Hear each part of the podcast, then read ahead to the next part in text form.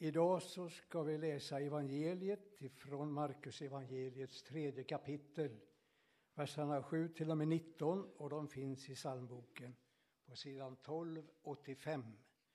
1285. Men innan vi läser så låt oss be med sångarens ord. Omkring ditt ord, o Jesus, oss stilla gör och fram till livets källa av nåd oss för. Led oss allt mer, o Jesus, i ordet in och öppna våra ögon för nåden din. Den djupa, rika kärlek som bor i dig, låt över varje hjärta få gjuta sig. Amen. Och så läser vi evangeliet. Jesus drog sig undan mot sjön tillsammans med sina lärjungar. En massa människor från Galileen följde med, men också från Judeen, Jerusalem och Idumeen och från andra sidan Jordan och från trakten kring Tyros och Sidon kom människor i massor till honom när de hörde talas om allt han gjorde. Han sa åt sina lärjungar att ha en båt till reds så att han slapp bli trängd av folkmassan. Han hade botat många och nu kom alla som led av någon plåga och trängde sig på honom för att få röra vid honom. Och när de orena andarna såg honom följde ner för honom och ropade Du är Guds son. Men han förbjöd dem strängt att avslöja vem han var. Sedan gick han upp på berget och kallade till sig några som han hade utvalt, och det kom till honom. Han utsåg tolv som skulle följa honom och som han skulle skicka ut att predika och ha makt att driva ut demonerna. Och de tolv han utsåg var Simon som han gav namnet Petrus, Sebedaios son Jakob och Jakobs bror Johannes, vilka han gav namnet Boangeres, det vill säga Oskans söner. Vidare Andreas, Filippos, Bartolomaios, Matteus, Thomas, Alfaios son Jakob, Tadaios, Simon Kananaios och Judas Iskariot, han som förrådde honom.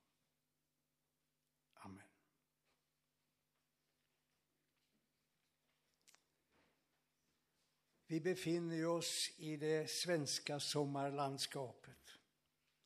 Solen lyser och värmer och gör oss brunbrända. Och sommarregnet vattnar jorden emellanåt. Många har semester, andra är på väg in i arbetet igen efter välbehövlig vila. Och där finns vi som har förlängd semester. Och i sommartid är det ju så att sjön och havet lockar, liksom sommarhagen och resor med avkoppling, frihet och nya upptäckter.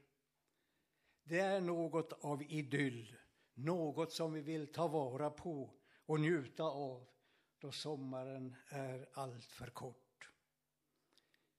Sommartiden vill vara något av vila för kropp, själ och ande. Men sommarlandskapet är inte bara idyll. Alla får inte vara med om avkopplingen och friheten.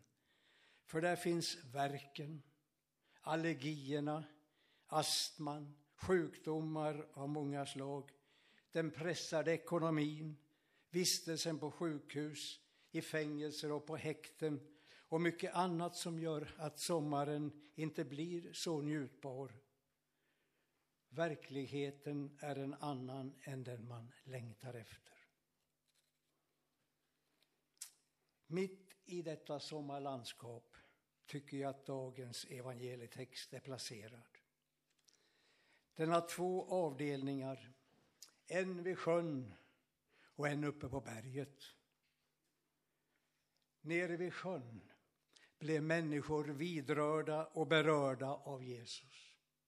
Och uppe på berget blev människor utsedda och utsända av Jesus. Jesus är efter en ganska intensiv arbetsperiod och i en psykiskt pressad situation. Fariseerna arbetar ju nämligen med att planera planerna på att döda honom. Men nu är han på väg tillsammans med sina lärjungar till sjön. Sjön med stranden och sitt svalkande, rogivande vatten. Det var platsen just då för Jesus och lärjungarna. De behövde vila och få andhämtning. Och Jesus hade behov av det på samma sätt som vi har det. Han var så mänsklig. Och det är inte bara tillåtet utan också nödvändigt med vila och anhämtning när vi lever i en upptagen och stressad tillvaro. Du som älskar vattnet, sjön och havet. Visst är det fantastiskt att Jesus tar oss med till sjön. Där får vi vara tillsammans med Jesus på stranden och i båten på sjön och hav. Sola och bada tillsammans med honom. Det är sommar och semester i dubbel mening. Vi får njuta av allt det som tillhör och är Herrens och som han omsluter oss med av godhet och barmhärtighet. Ett vidsträckt vatten och en molnfri himmel talar, vänner, om oändlig nåd, gränslös kärlek och omätbara djup av höjder och höjder av barmhärtighet. Vi blir berörda av Jesus som uppenbarar skapelsens och livets Gud för oss och vi är öppna för storheten i allt detta. Och Jesus ger oss en trygg, varm och god gudsbild som vi kan ta till oss. Nu blev det ingen ostörd avkoppling och vila vid sjön för Jesus och hans lärjungar den här gången. För verkligheten trängde sig på också där. Människor från hela landet och från områden utanför landet strömmade dit. Ryktet om Jesus och det han gjorde gick som en löpeld bland människor och folk. Och nu kom man för att få röra vid honom. Jesus skulle ha kunnat processera och sagt, jag har semester och behöver vila, ni får komma tillbaka senare. Men inför verkligheten av nöd och lidande gjorde han inte det. Istället fick lärjungarna hjälpa honom med att få en båt som reträttplats om det skulle bli för trångt för honom på stranden. För Jesus och hans lärjungar blev det inte mycket till vila vid den galileiska sjön men för de många som sökte Jesus blev beröringen av honom väderkvickelse till kropp och själ och en påtaglig och verklig upplevelse av nådens Gud. Människors kaostillvaro förvandlades till ett meningsfullt liv. Att söka Jesus och att få vidröra honom och bli berörd av honom i sommartid på sommarängen, på en skogs eller pilgrimsvandring, vid sjöstranden, i kyrkan, på ett sommarhem, i ett friluftsmöte eller i en tältkyrka kan förvandla livet och ge den ny och ljus gestalt. Det kan bli som det står i sången. Min börda föll av när jag mötte där denne främling från Galileen. Och jag kände jag honom vill älska. Hans kärlek var helig och ren. Min frälsare blev han den dagen, denne främling från Galileen. Och vänner, denna upplevelse av Jesus är möjlig också för oss här idag. Om man får beröra oss genom sitt ord och med sin ande. För den som söker Jesus för att få röra vid honom gör han aldrig besviken. Du kan få gå hem ifrån vår gudstjänst idag med ett helt nytt liv och med helt nya livs förutsättningar än de du kom hit med. Från sjön gick Jesus upp på berget, platsen för mötet mellan himmel och jord. Och berget återkommer ju på flera ställen i Bibeln. Noaks ark strandade på ett berg. På berget Sinai uppenbarade Gud sig för Mose och gav honom lagens tio bud. På förklaringsberget visade Jesus sig för Petrus, Jakob och Johannes i sin himmelska härlighet. Och där fick de tillsammans med Jesus möta Mose och Elia och uppleva vibrationerna av Guds frälsningshistoria genom lagen och profeterna med sin fullbordan i Jesus. Det var på berget Jesus fick kraft att gå vidare i sin tjänst och fullborda sitt uppdrag. Berget ger utsikt över det som ligger nedanför och framför. Så var det för Jesus.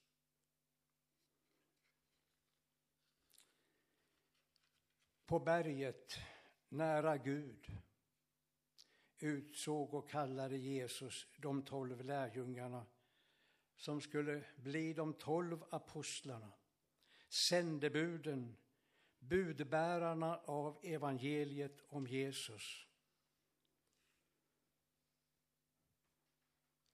Det var en helig och mycket avgörande stund för Jesus och hans lärjungar. När Lukas berättar om detta tillfälle så skriver han Jesus gick upp på berget för att be och natten igenom bad han till Gud. Och när det blev dag samlade han sina lärjungar och bland dem valde han ut tolv som han kallade apostlar. Det var ett viktigt val av människor som Jesus gjorde. För på de tolv som utvaldes skulle hela ansvaret för Guds mission och Kristi kyrkas uppdrag i världen komma att vila. Och det var ett märkligt val av människor som Jesus gjorde med tanke på uppdraget. Dessa lärjungar hade inga kvalifikationer mer än att de var tolv vanliga män. De hade ingen världslig makt, ingen särskild social ställning som upphöjde dem över andra, ingen teologisk utbildning. Men de hade valt att följa Jesus när han kallade dem. Och det var det här som kvalificerade dem för uppgiften. De skulle inte komma med något eget när de trädde fram inför människor.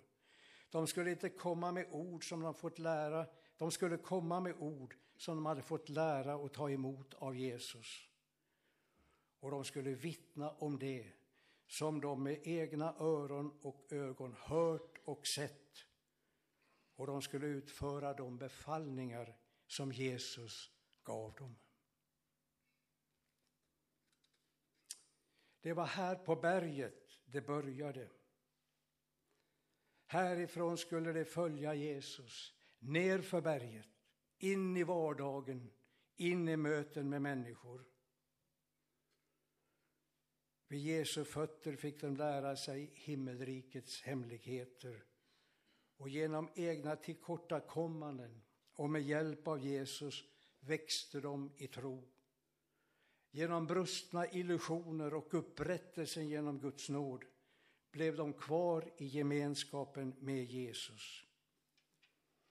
Feghet förvandlades till mod, övergivenhet till trofasthet. förnekelse till bekännelse trots fara för sitt eget liv. Kallelsens grepp släppte de aldrig, utom en. Som Paulus skriver i Romarbrevet, vem kan då skilja oss från Kristi kärlek? Nöd eller ångest, förföljelse eller svält, nakenhet, fara eller svärd. Det står skrivet, för din skull lider vi dödens kval dagen lång. Vi har räknats till slaktfåren. Nej, över allt detta triumferar vi genom honom som har visat oss sin kärlek. Det här vet alla om som upplevt Guds kallelses grepp om sitt liv till efterföljelse och till tjänst och uppdrag i Guds rike.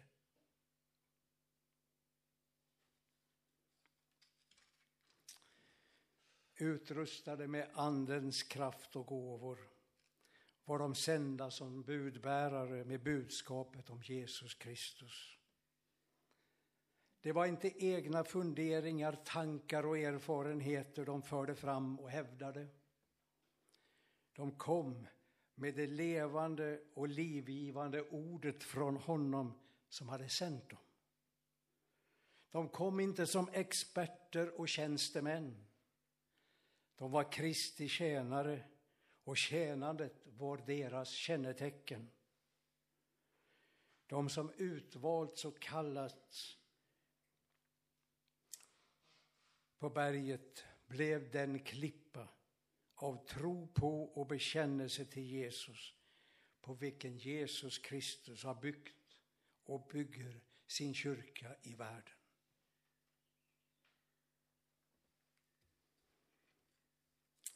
Det går ett band och det finns en förbindelselänk från berget som Jesus och lärjungarna var på i vår bibliska berättelse till oss här idag.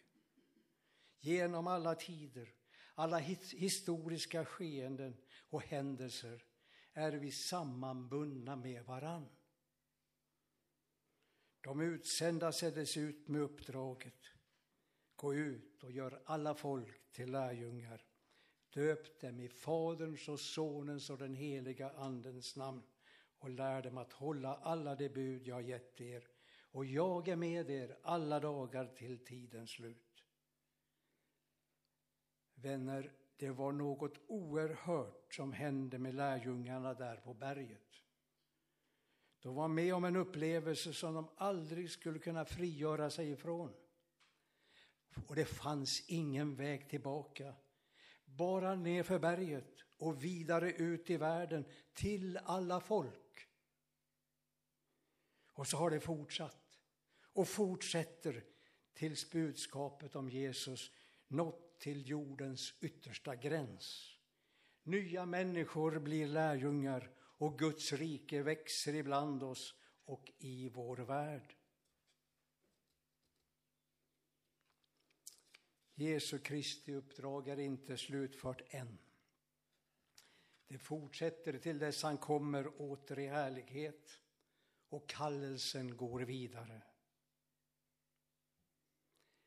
Jesus fortsätter att utse och sända ut lärjungar. Och nu når kallelsen oss på nytt här idag. Och den är både kollektiv och personlig. Kallelsen gäller oss som kristen gemenskap. Vi kallas att vara en gemenskap mellan människor som är fylld av omsorg, värme och kärlek en gemenskap som förverkligar Jesu nya bud. Att vi ska älska varandra och bära Andens frukter. Kvalifikationen är viljan att vara med och kärleken till Jesus och de människor som söker sig till honom. Och här behövs alla. Alla kyrkor och församlingar där vi finns här i Tranås, i Sverige, i världen för att göra Jesus känd och trodd. Och vi behöver varann som komplement i den uppgiften. Ingen som söker sig till Jesus för att få hjälp av honom ska hindras från att få komma och vara med. Som Jesus tog emot människor och berörde dem ska vi ta emot dem och beröra dem så att de övertygas om att det finns en Gud som älskar dem och en frälsare som vill rädda dem ur synd och nöd och död till liv med hopp om framtid bortom död och grav. Och kallelsen gäller oss personligen. Kallelsen att bli och vara ett vittne om Jesus. Ett sändebud som går hans ärenden. Och det är behov av pastorer, ungdomsledare, diakoner och missionsarbetare som utbildar sig för tjänst och uppdrag i våra kyrkor och församlingar. Det finns behov av människor som ställer sina liv, sin begåvning, sitt kunnande, sina tjänster till Guds förfogande i den lokala församlingen och på alla områden i samhällslivet. Uppgifterna är många och olika. Olika personligheter behövs och du är efterfrågad. Som Gud kallade på Samuel en gång kallar han på dig idag. Det kanske är för dig som för Samuel. Han förstod inte Guds kallelse i början. Elia fick hjälpa honom. Och när du hör eller på annat sätt blir medveten om att Gud vill dig något, så svara med Samuels ord. Tala, Herre, din tjänare hör. Eller med profeten Jesajas ord. Herre, här är jag, sänd mig. På det här sättet blir du en viktig länk i Guds frälsningsplan för världen. Kallelsen att vittna om Jesus är livsviktig. Mer än någonsin behöver världen och mänskligheten en frälsare och räddare idag. Vi håller ju på att gå under, etiskt, moraliskt, politiskt, socialt, ekonomiskt och andligt som mänsklighet. Trådarna de är tunna och sköra. De tragiska händelser vi ser runt omkring oss i världen bekräftar ju detta. När vi söker en som kan rädda oss och världen ur dess kaos är Jesus ensam människans och mänsklighetens och världens frälsare. Han är ensam om att ha dött för våra synder och ensam om att ha uppstått för vår rättfärdiggörelse. Han är ensam om att kunna rädda oss från döden och ge oss ett evigt liv. Han är ensam om att erbjuda oss ett frids, freds, framtids och evighetsrike som inte kan eller ska gå under. Petrus förkunnar. Hos ingen annan finns frälsningen och ingenstans bland människor under himmelen finns något annat namn som kan rädda oss.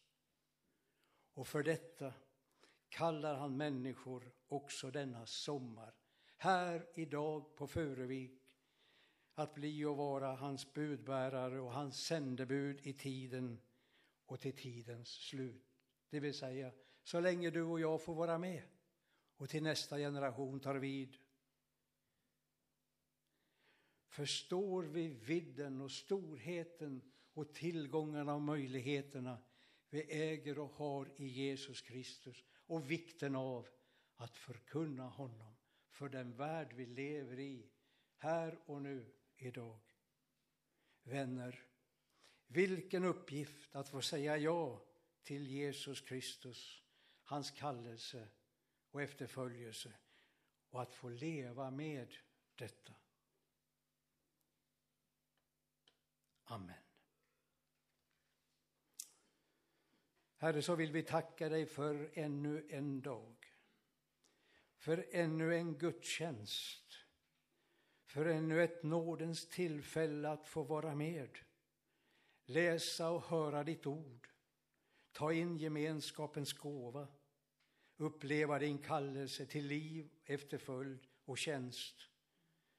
Något som är större än allting annat i värld och tillvaro, som har framtid, som övervinner och ska bestå. Vi tackar dig, gode Gud, för den klippa du har byggt din församling på och som vi får vara en del av. Se nu i nåd till oss, Herre, och kalla oss och sänd oss på nytt och ge oss nåden att kunna svara Herre, här är jag, sänd mig.